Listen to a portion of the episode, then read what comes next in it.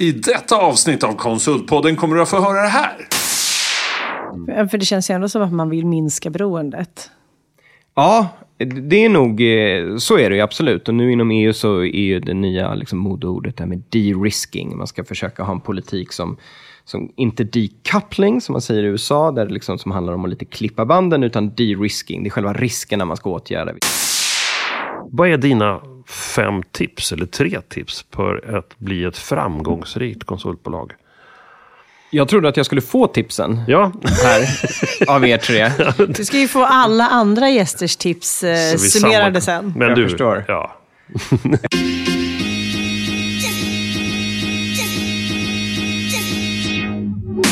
Konsultpodden, den största podden för dig i konsultbranschen. Med mig, Helena Torhage, Håkan Mild Svensson och Mattias Loxi. Bakom podden står Berotech och Synode. Konsultpodden igen. Vi har lite rokad i, i hostmannaskapet, kan man säga så? Ja, line-upen har ändrats den här gången. Ja. Tack vare. Tack vare en liten, liten person som just kom till världen. Ja. Och det är Mattias eh, son. Som dök upp i, ja, för några dagar sedan. Bara häromdagen. Och jag vet inte om han har ett namn, men det är väldigt roligt. Så grattis Mattias! Ja, grattis alla i den familjen. Mm. Och då är ju han ledig från det här och då har vi med oss våran härliga Gregor. Välkommen. minns honom kanske från tidigare avsnitt. Ja. Ja, det är eh, avsnitt nummer tre för min del nu, så det känns superkul att få vara här igen.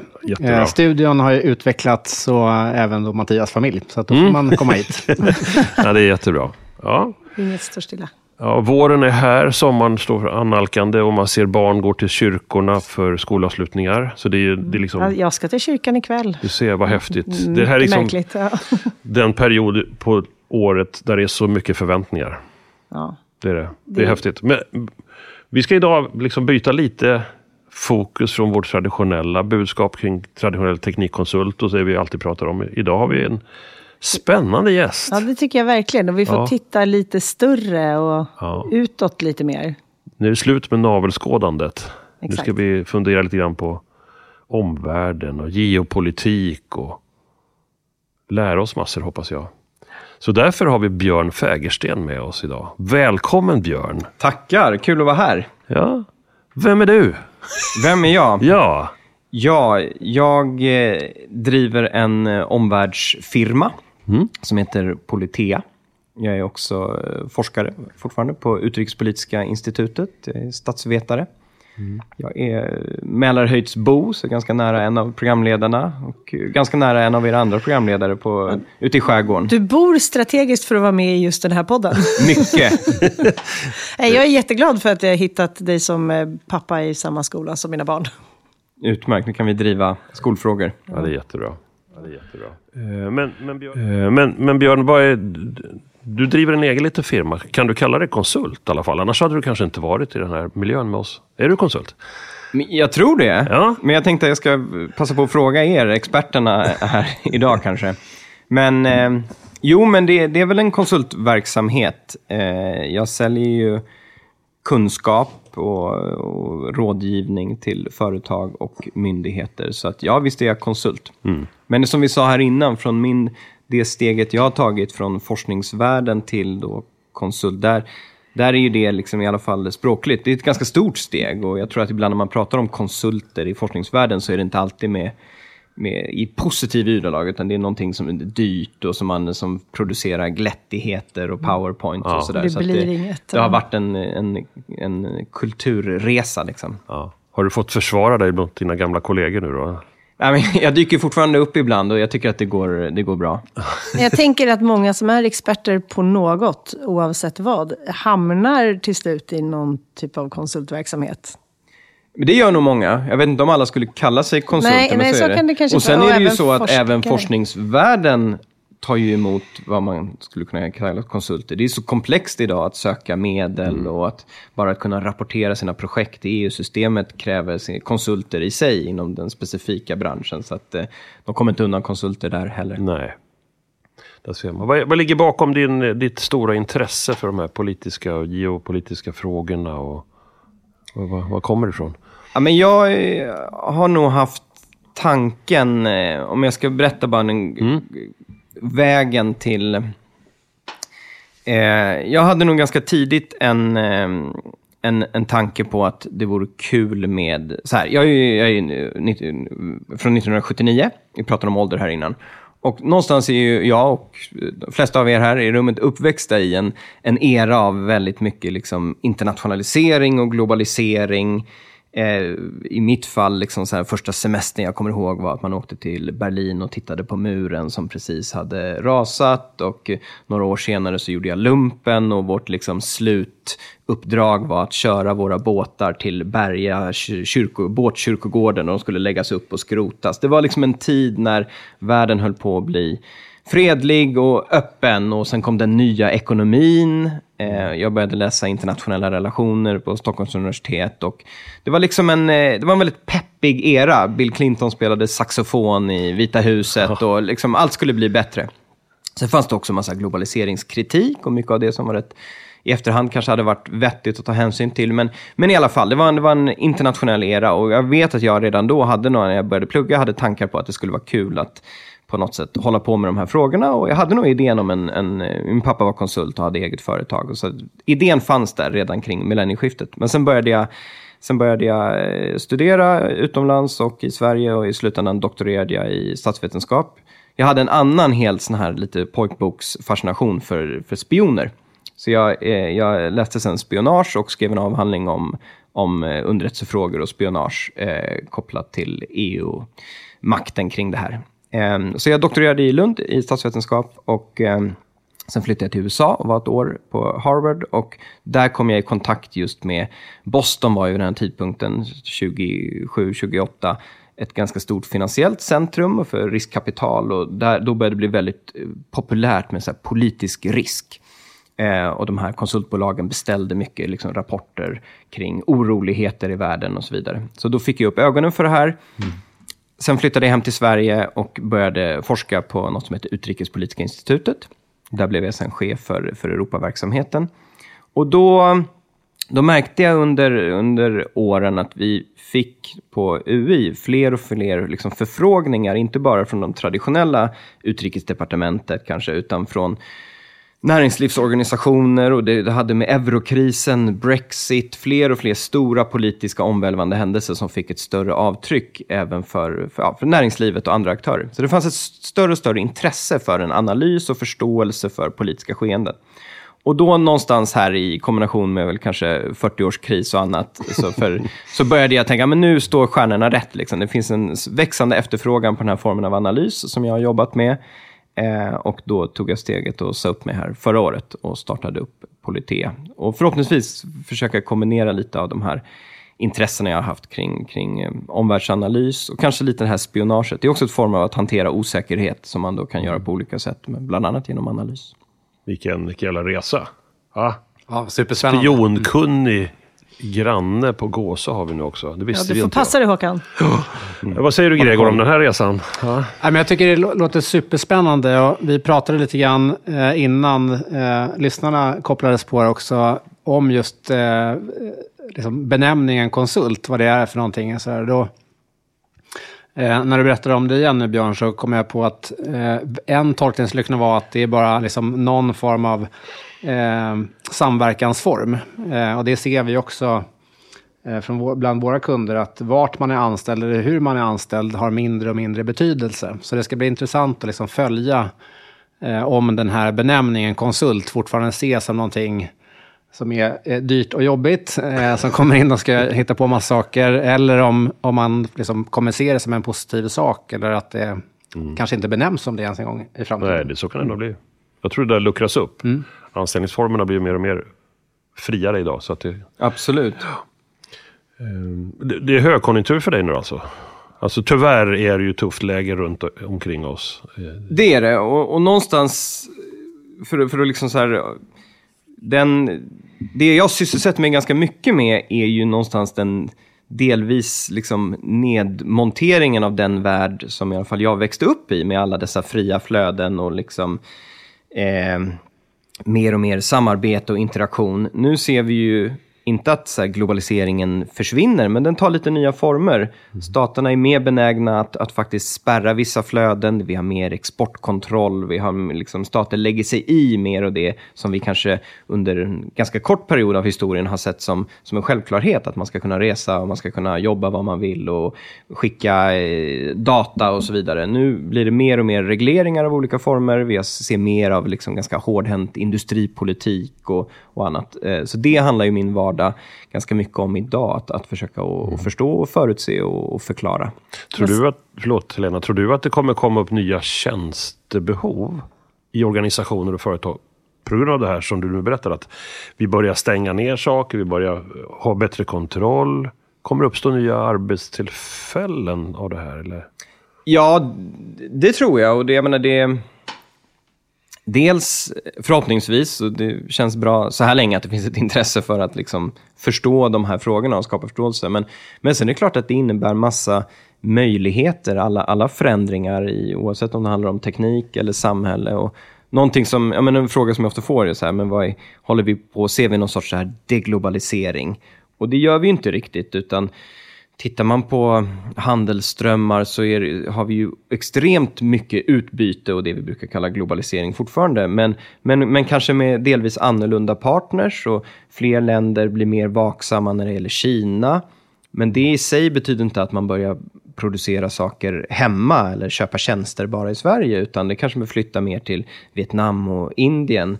Och då kommer Kina börja handla mer med Indien, så det egentligen leder det bara till mer globalisering, men det kommer se annorlunda ut. Och, och det, det ställer ju nya krav på ganska många företag också, att man måste kunna ställa om sina värdekedjor och kunskapsinhämtning och så vidare. Mm. Den bilden du målar upp, och den som vi kanske känner av ganska mycket, det är ju ett, ett läge som på vissa sätt backar eller att det känns som en negativ utveckling, det som pågår. Om det har funnits mer frihet och liksom, eh, valen har varit öppna för alla tidigare. Vad ser du liksom för framtidsvision? Vart slutar det här? Ja, men jag, jag tror att, så här, det finns några, jag tror man får inse att de, de säg två, tre senaste decennierna, som man kanske ser som en självklarhet den tiden som i alla fall vi har växt upp i, utbildat oss i. Det, det var en ganska unik och kort del av, av världshistorien. Snarare är det så att vi återgår till någon sorts normalitet nu. I bemärkelsen, så här, vad, är, vad är det som är de stora förändringarna nu? Jo, USA har, har liksom under en kort tid varit ensam supermakt i världen. Eh, nu, är man, nu är Kina på väg att hinna ikapp på vissa områden. Vi ser också andra länder som Indien, Brasilien, Nigeria, Indonesien och så vidare ta för sig mer och mer. Så, så den, liksom, det vi statsvetare kallar den unipolära eran, den är liksom slut. Kina, USA håller på att utmanas på olika håll. Eh, sen ser vi att den här globaliseringen är, blir mer och mer så fragmenterad, det vill säga att vi samarbetar mer i, i små block vi kanske samarbetar på vissa områden, som miljö till exempel, men det, det går sämre på rymdsidan. Så det är, inte, det är liksom mycket mer upphackat, det globala samarbetet och flöden och vem man handlar med idag. Och sen den tredje stora faktorn är teknikutvecklingen. Som, som är, jag hörde någon säga häromveckan att människan har alltid trott att man lever i en unik tid av teknisk utveckling. Och människan har alltid haft rätt i det. Eh, men nu har vi kanske extra rätt i det, för vi står inför liksom inte bara ett, utan flera parallella teknikskiften. Oavsett om vi pratar om AI eller kvantberäkning och så vidare. Och vi kan inte ens se effekterna av varje isolerad förändring och ännu mindre hur de påverkar varandra. Och det här leder ju liksom till, en, till liksom stora genomgripande förändringsfaktorer som kastar om mycket av spelreglerna. Så ja, vad ska vi säga framåt? Jag tror, att vi, jag tror att man får lära sig i decennier framöver att leva i en värld som kommer vara lite mer turbulent. Där, där vissa områden kommer vi ha liksom fri kommers och hyperglobalisering. Men inom ganska många områden så kommer vi behöva bli mycket mer försiktiga vem vi handlar med, vilken sorts information vi, vi delar med oss av. Eh, och, och, det en, och, och, företag kommer behöva ta en helt andra hänsyn. Vi har, det finns ju en konsumentmakt här också. Om man tittar bara, vi kanske kommer in på det sen, men med sanktionerna mot Ryssland så ser vi att de flesta företag agerade ju långt innan att det faktiskt fanns legala sanktioner på plats för att man helt enkelt hade sitt rykte att ta hänsyn till. Och det var kanske en ganska lätt uppgift när det gällde Ryssland för de flesta företag om, vi, om man spekulerar i, skulle man behöva göra något liknande när det gäller Kina, så kommer det bli en oerhört smärtsam upplevelse för, för väldigt många företag. Och frågan är ens hur vi skulle göra det i praktiken. Kan vi liksom skära loss vårt ekonomiska samarbete med Kina eller utbyte? Jättesvårt. Men, men, eh, men det är också, det är som sagt, det är en konsumentdriven fråga till stor del. Konsumenter idag kräver att företag tar ställning och är aktiva när det gäller den här formen av stora politiska frågor. Och det är jättesvårt, apropå nya nischer och behov. Liksom, Ja, som jag tror att företag kanske inte har... Man har under lång tid blivit duktiga på miljö och hållbarhet eller mänskliga rättigheter som ändå ses som någon sorts allmängoda. Men hur ska man bli duktig på att ta, liksom, spela en geopolitisk roll där faktiskt konsumenterna kanske tycker helt olika? Ja. Svårt. Jättesvårt. Och vi pratade om det tidigare också, men det här med att hålla koll på eller källgranska eller vad... I och med att det är så mycket information om de här bitarna eller väldigt komplexa ägarförhållanden och annat kanske. Så en sak som jag tycker är okej idag och liksom bidrar med pengar till kanske köps av någonting som jag absolut inte tycker är okej imorgon. Och då har man ju indirekt liksom, eh, bidragit till en utveckling som man kanske inte backar. Eh, så det blir svårare och svårare också. Ja, ja, absolut. Och, och frågan är vad, hur, man, hur man organiserar det. Det är ganska många branscher, så den som jag kommer från, forskningsvärlden, där brottas man ju också med det här. Hur ska man, hur ska man som ett eh, forskningsinstitut eller ett universitet kunna hålla koll på ja, olika aktörer i Kina eller i andra länder och bedöma hur kan man göra sin due diligence och, och veta vilka som är rimliga partners för ett projekt. Och så här. Det är ju jättesvårt. Och, mm. Ehm, och det kan man försöka lösa på olika sätt genom att man har principer och checklister och samarbeten inom branschen kanske och så vidare. Men det är, ett, det är, ett, eh, det är såklart en, en svår fråga för många aktörer. Mm. Om man tittar på de här stora trenderna då, och ser på vad som pågår i våran eh, ganska lilla bransch när man pratar på så här stort plan. Hur påverkas den svenska konsultbranschen kan ni se egentligen allihopa? Förutom, ja, försvaret eh, är ju en, en, ett segment som växer, men vad, vad, vad, vad har vi mer? Ja, vad säger du, Gregor? Ja, men vi, eh, Mattias släppte en rapport precis där man eh, bara i korta ordalag ser att det är fortfarande en tillväxt på konsultmarknaden. Det är väl att digitaliseringen har gått så pass långt inom stora områden så att där kan man inte bara avbryta det utan man måste liksom fortsätta det. Eh, men sen ser man kanske på, inom vissa områden Eh, Automotive-sektorn, där kanske det har varit en litet liksom, inbromsning för att man eh, varslar personal och då brukar det innebära konsultstopp som kan slå ganska hårt. Då. Eh, men så, eh, man köper konsulter inom så många olika områden idag. Det är som ett gummiband i kapacitet eller kunskap. För man i, i, i, på de stora bolagen så har man inte förmåga eller liksom processer för att utbilda personal eller underhålla kompetensen tillräckligt fort. Så där behöver man de här specialistkompetenserna som man köper in ja, när det nu behövs. Och i vissa fall också har man eh, specialistkompetensen på längre uppdrag eh, externt. Eh, I, mer i, i partnerskap. För att man har en del då som är en extern satellit som är duktigare på att onboarda och utveckla och behålla kompetens. Intressant. Jag tänkte också på spåret du pratade om att vi stänger lite gränser. Vi blir mer nogsamma med vem vi säljer till och köper av. Sverige är ju känt som ett väldigt starkt exportland. Alltså våran verksamhet drivs av att vi säljer våra tjänster och produkter utåt. Kommer det bli så att vi troligtvis kommer tappa några marknader på grund av det här nya geopolitiska läget? Då kan jag tro att din fråga besvaras med ja, det kan nog vara kunder som får det svårare. Alltså våra kunder. Att sälja sina produkter, ja. Ja, och då- vad, ja, och vad behöver konsultbolagen och ledarna i dessa då agera på?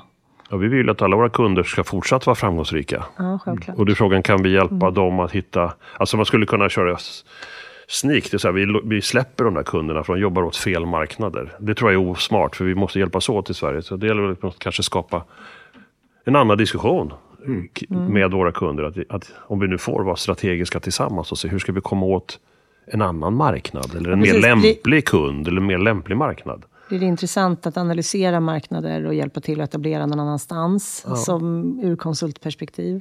Och då får jag en annan bild i huvudet att, att eh, menar, vår konsultbransch är jag jättestolt över. Och det är ju väldigt, som, som Gregor säger, att vi är där för vi kan saker de själva inte kan. Eh, Det är experter fast vi jobbar i en resurs och bemanningsvärld, nästan allihopa.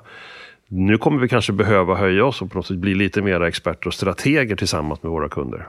I det fallet vi har kunskapen. Eh, Det tror jag vi skulle må bra av också. Men det måste också bli kulturella skillnader, Björn, med det som man, om man liksom skiftar vart saker och ting görs, om man ska flytta från Kina till Indien eller till andra länder. Vad är det man behöver kunna då i samverkansförmåga med en helt ny partner egentligen, i så stora skiften? Det kommer ju leda till att man behöver öva ganska mycket på det och ha specialisthjälp för att hantera det. Det tror jag absolut. Men sen, sen tror jag att man måste kunna motivera. Jag tänker där om man har en, en kund som jobbar mot ett land, som, det finns ju rätt många sådana, tveksam karaktär, demokratiska mänskliga rättigheter och så vidare. Man kanske på ett annat sätt måste kunna motivera vad man tror att de här projekten faktiskt kan göra för, för nytta.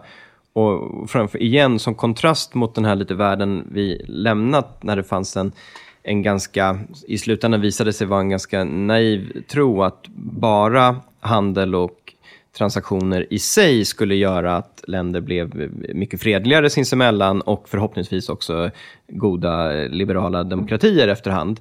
Eh, Fukuyama etc. Det, det funkade ju inte så. Tyvärr har vi färre demokratier idag än för tror jag, 15 år sedan.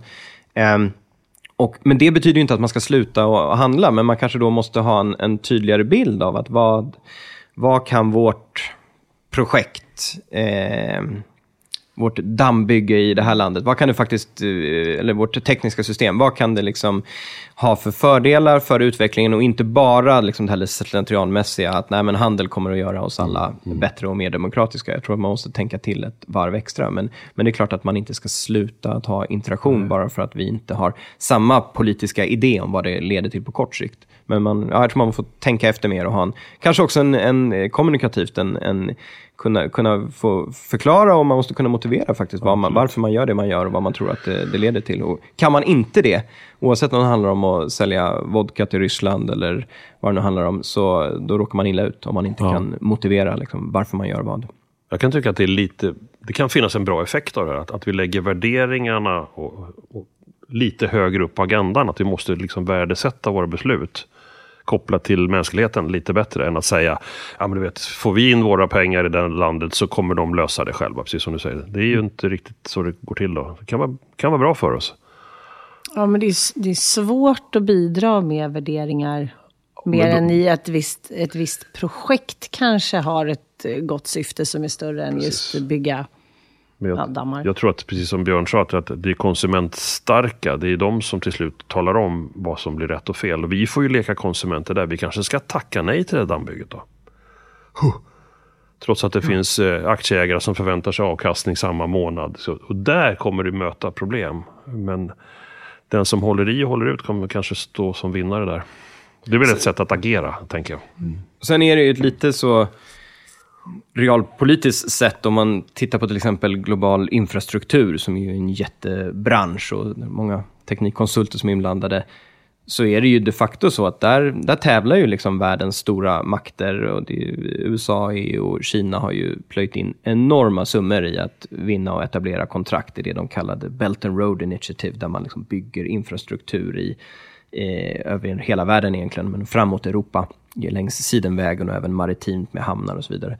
Och där är det en realitet att om inte europeiska eller amerikanska företag och länderna går in och investerar och lyckas vinna kontrakt, då, då kommer andra göra det som har helt andra eller obefintliga idéer om mänskliga rättigheter och så vidare. Så att, ja, dels handlar det ju om ens egen, egna värderingar, men, men man får ju inse också att ger vi upp vissa marknader för, av olika anledningar så, så kommer den platsen att fyllas upp av andra. Måste I den mån det inte redan är gjort. det måste vara väldigt långsiktiga tankar och strategier förstås. Då, för att, det där, att ta det där hamnområdet, för att annars så gör de det. Ja, och, och där kommer man, ja, där är, det blir ju ett samspel såklart mellan då det privata näringslivets roll, men också exportkredit, bistånd och så vidare. Hela paketet. Hur, hur vill vi engagera oss i på svåra eller komplicerade marknader helt enkelt? Om man pratar lite närmare, nu, nu är det ju Ukraina försöker göra någon form av eh, offensiv för att på något sätt... Det vi läser, jag vet inte om jag läser det som är sant. Jag, jag har ingen aning om vad, vad man får för information idag. Men om det, om det nu vore så illa, ingen kan ju veta, men att det här kriget som startades för snart ett och ett halvt år sedan, att det faktiskt det blir Putin som vinner det här. Vad tror du kommer hända i Europa, Björn, och i världen?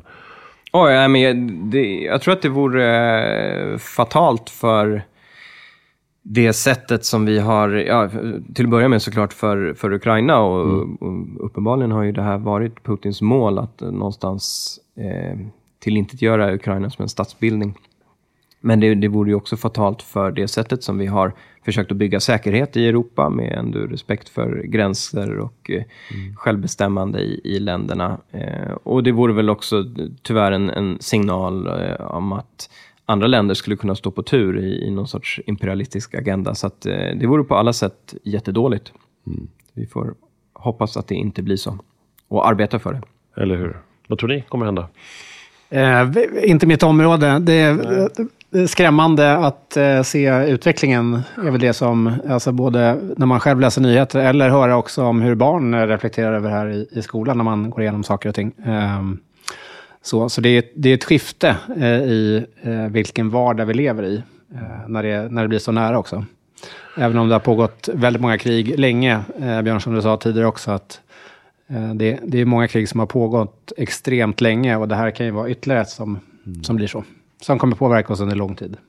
Sen är ju medierapporteringen på det här för oss mycket, mycket större. Så att vi är ju räddare för Ryssland än vad vi är för något av alla andra länder som, som också är inne och eh, skapar konflikter på olika sätt. Ehm, och det kanske har, eh, Ryssland kanske har en värre agenda i det här fallet. Men det vet jag inte riktigt. Det, och eftersom det ligger nära så kan jag ju bara se det på individnivå. Att man kommer vara räddare.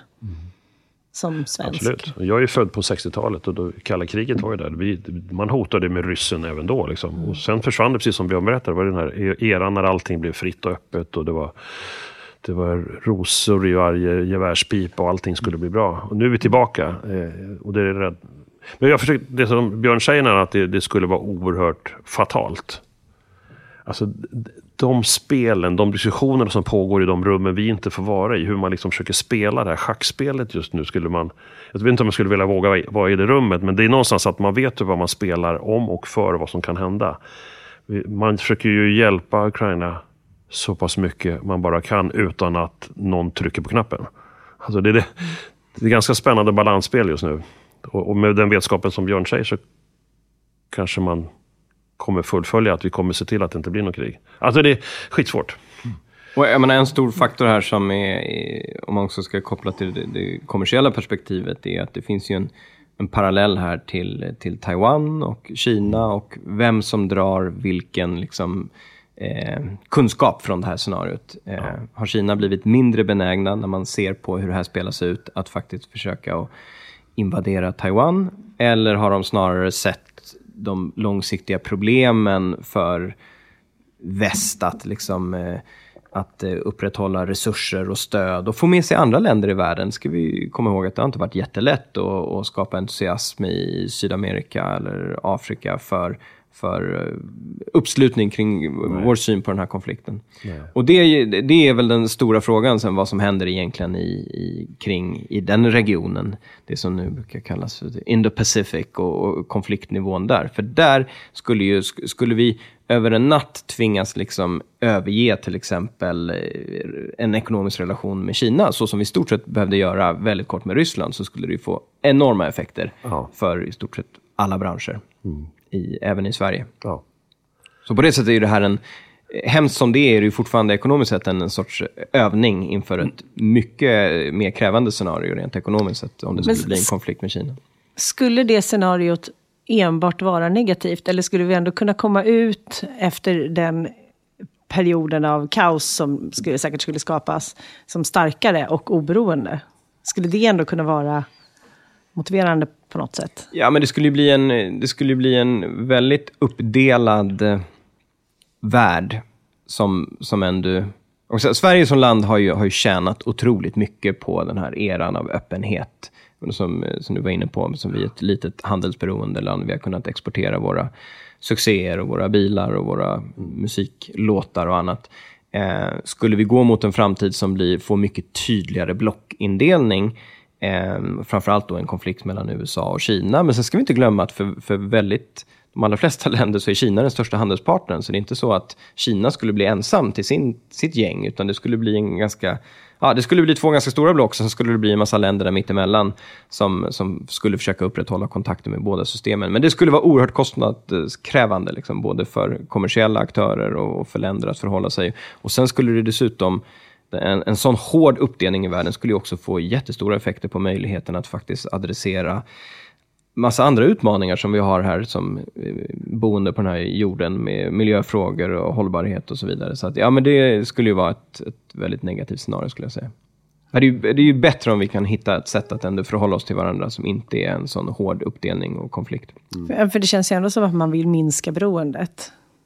Ja, det är nog, eh, så är det ju absolut. Och nu inom EU så är ju det nya liksom, modeordet det här med de-risking. Man ska försöka ha en politik som som inte decoupling, som man säger i USA, där det liksom, som handlar om att lite klippa banden, utan de-risking. Det är själva riskerna man ska åtgärda. Vi ska inte vara för beroende när det gäller väldigt kritiska mineraler och sådär. Men problemet är att det är vi ju, så som det ser ut idag. Mm. Och det, visst, det är bra att vi hittar grejer uppe i Kiruna som vi kan gräva upp, men det här kommer ta tid. Under översiktlig framtid så är vi väldigt beroende av Kina.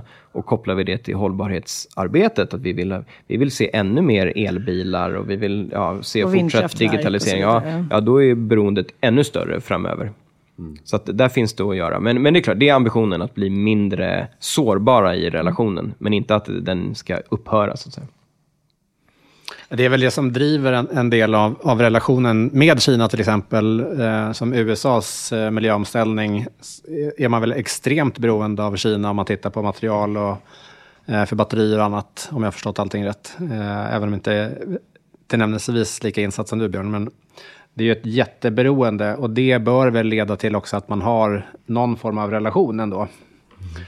Eh, Det har man det absolut. Men, men, så- och, och det har man ju även via valutan och ägandet i varandras ekonomier i stort sett. Men, men eh, man kan ju se att den amerikanska politiken är ju ändå att kraftigt subventionera och Eh, inhemsk produktion och eh, mineraler som, som kommer från ens egna eller vänligt sinnade länder. Och det där är någonting som kommer påverka oss. Och vi har ju nu spelar vi in här, men i, i, i nästa vecka så är det möte i Luleå i det som kallas Trade and Technology Council mellan EU och USA, där en av frågorna man ska diskutera är just hur ska man försöka hur ska man försöka enas kring någon strategi från vem man ska köpa mineraler, jordartsmineraler ifrån och så vidare. Och ska man bara köpa från vänner och vilka är i sånt fall våra vänner och hur kan vi hitta alternativa sätt att, eh, att förse oss med det här? Och det här får man komma ihåg, det här är ju liksom oljan i den digitala ekonomin. De här eh, talang, pengar och olika former av mineraler. Det är ju egentligen det man behöver för liksom, att upprätthålla digitaliseringen. Och, och alla de här blir mer och mer följer liksom, politiska vänskapsband snarare än ett fritt flöde nu för tiden. Ja.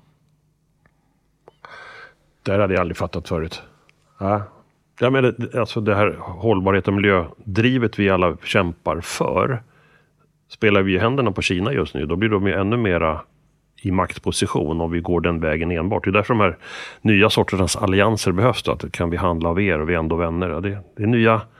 Det är, det, är, det är spännande. Det, är det, och det, det var ju mycket lättare i förhållande till Ryssland. Där var det ju en sorts win-win. Att ja, men vi slutar köpa fossil energi från Ryssland. Då, vi stödjer inte dem och vi, vi sabbar inte naturen. Eh, med Kina ser ju kalkylen annorlunda ut. För där är ju de största importerna just det vi behöver för att Ja, inte sabba naturen. där, Ja.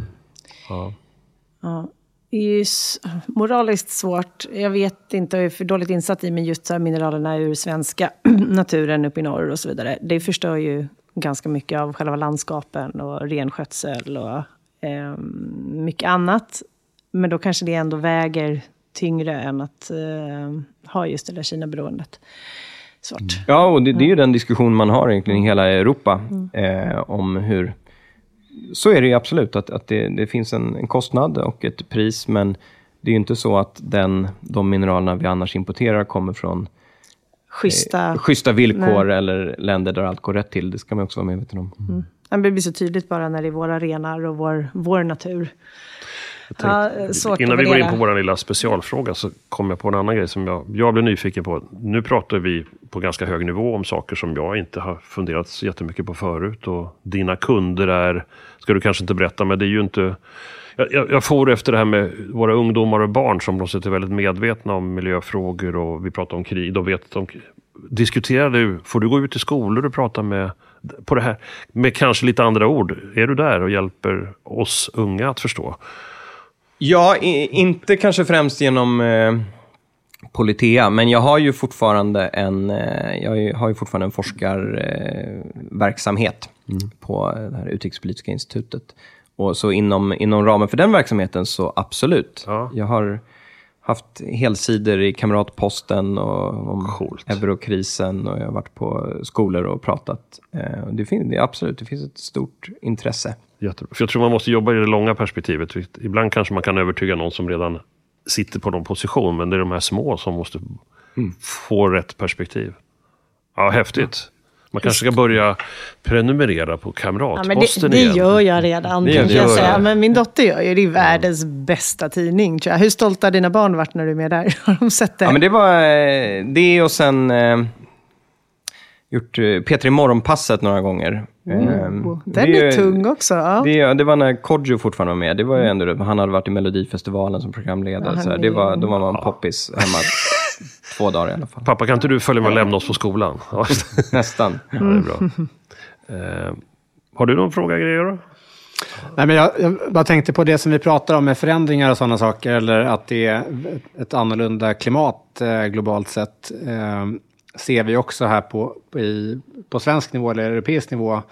I alla fall det som vi från Synode har inblick i, hur samverkans liksom, önskan ökar. Eh, vi har ett, ett, ett nätverk som har kanske vuxit från några hundra bolag till snart 5 000 bolag eh, som vill samverka med varandra. Så det är en tydlig trend på att man fortfarande vill samverka och hitta liksom vägar fram, men i kanske en ny verklighet. Men då, då är det här på alla era marknader? Ja, det är väl 23 länder ungefär som, som är eh, först och främst i Europa. Men Och då är det schyssta demokratiska länder? För det mesta. Eh, vi har väl sett en, en del eh, av våra kunder precis när eh, liksom, krisen i, i Ukraina eh, materialiserade sig. Då hade vi kunder som hade från Sverige men byggde sina verksamheter i Ukraina till exempel. Så det var ju väldigt nära. Det var ju katastrof i, i början. Det försöker man väl eh, upprätthålla så gott det går eh, nu idag. Men det är, det är mycket liksom strömningar, det, vilket gör att man lär sig om andra kulturer och får ett liksom närmare, kanske lite närmare än att man skulle lägga det i, i Kina, men det har fortfarande en samverkan med andra. Så, så det är ett hopp om det i alla fall, att man vill bibehålla det. Mm, just det. Ja, jätteintressant. Vi, vi tar våran, eh, våran eh, drömfråga. Det här är mycket roligare att prata om det vi har gjort nu. Men vi har ändå ett tema för det här året. Det är att eh, alla gäster får en fråga som handlar om... Och du Björn har precis startat din lilla konsult, ditt bolag. Eh, Om vi, vi målar upp den bilden lite större, att du ska göra det till ett, inte bara du anställd, utan det kanske blir en liten firma som kanske blir 15-20 pers. Och ni, vad är dina fem tips, eller tre tips, för att bli ett framgångsrikt konsultbolag? Jag trodde att jag skulle få tipsen Ja, här av er tre.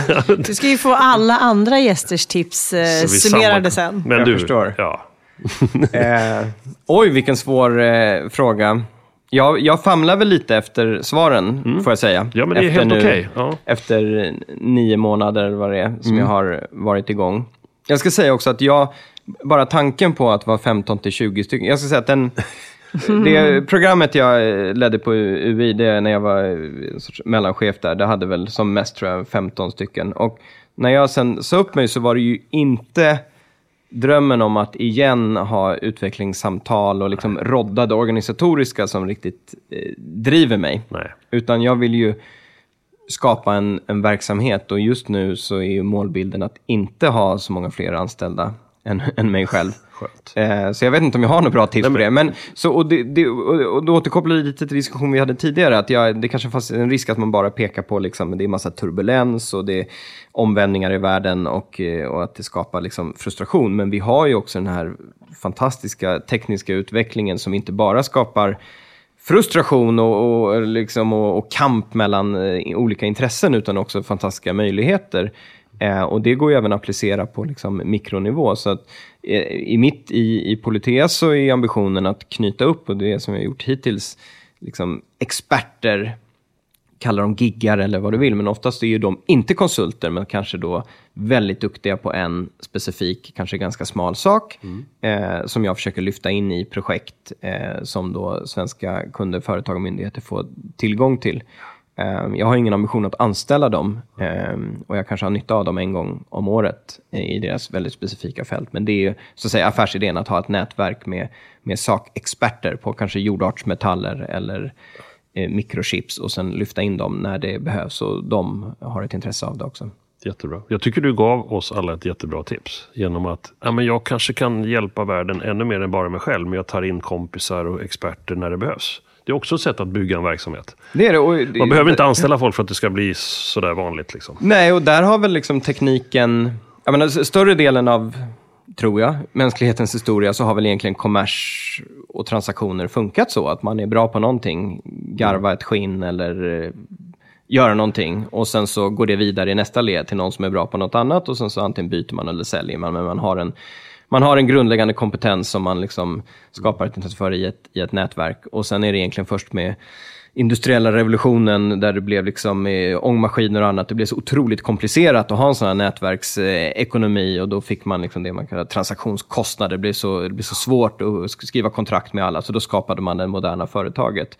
Och nu tillåter ju tekniken att vi egentligen återgår till någon sorts jag vet inte om det är ett naturtillstånd, men en enklare form av, av utbyten och nätverksföretag. Så att, eh, det är min eh, förhoppning, snarare Bra. än att bygga en pyramid. Kul. Tack för det tipset. Ja. En fråga Björn, och, eh, en observation. Det är ganska häftigt. Din kunskap är byggd på väldigt långa studier och lång erfarenhet inom saker som är ganska bestående kompetens skulle jag säga. När Mattias har varit här har han pratat om liksom halveringstiden på en kompetens inom tekniksektorn. Så det är också häftigt att det går åt det hållet, men nu väldigt viktigt att titta på hur har det sett ut över långa skeenden i och med att de här sakerna tar lång tid. Så den liksom, kombinationen av kompetens är superspännande. Så jag tror du, du sitter på en, en guldklimp i kompetens och erfarenheter framåt. Ja, verkligen. Vi får hoppas det. Ja. Hörrni, vad, vad kommer ni minnas från det här eh, avsnittet? Vad har ni lärt er av Björn?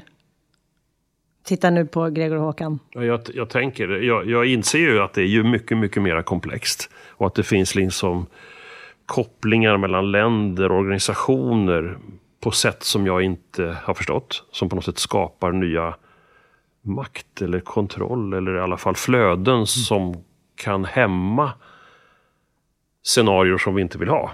Det visste jag inte. Så det är jätte, tack Björn, det öppnar upp nya grejer för mig. Jag, jag är fascinerad över liksom, historiken och bakgrunden. Hur du har kommit fram till steget att kliva av och liksom, köra själv. Eh, det tycker jag är superspännande att höra. Eh, att det inte bara är att du har haft i det hela tiden, utan det har byggts upp över tid.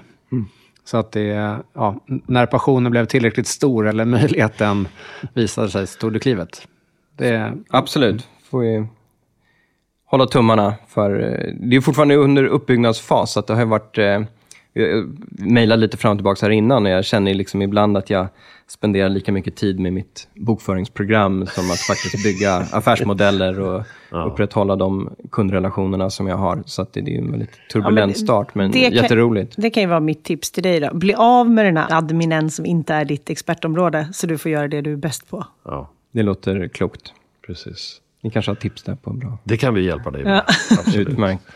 Men hörni, stort tack Björn framför allt och Gregor som är vår bästa stand-in ever. Stort tack för att du är här igen och tack för att Helena. Ja, tack snälla ni. Ja, tack för idag då. Stort Tack. tack för att jag fick eh, komma hit. Ja, jättebra. Tack. Hej då!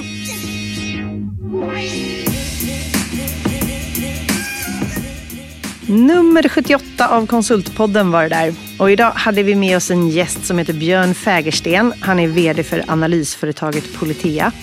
Du har också hört Gregor Waldner från Synode, Håkan Mild Svensson och mig Helena Torhage från Berotech. Och vi har producerat på Septemberfilm.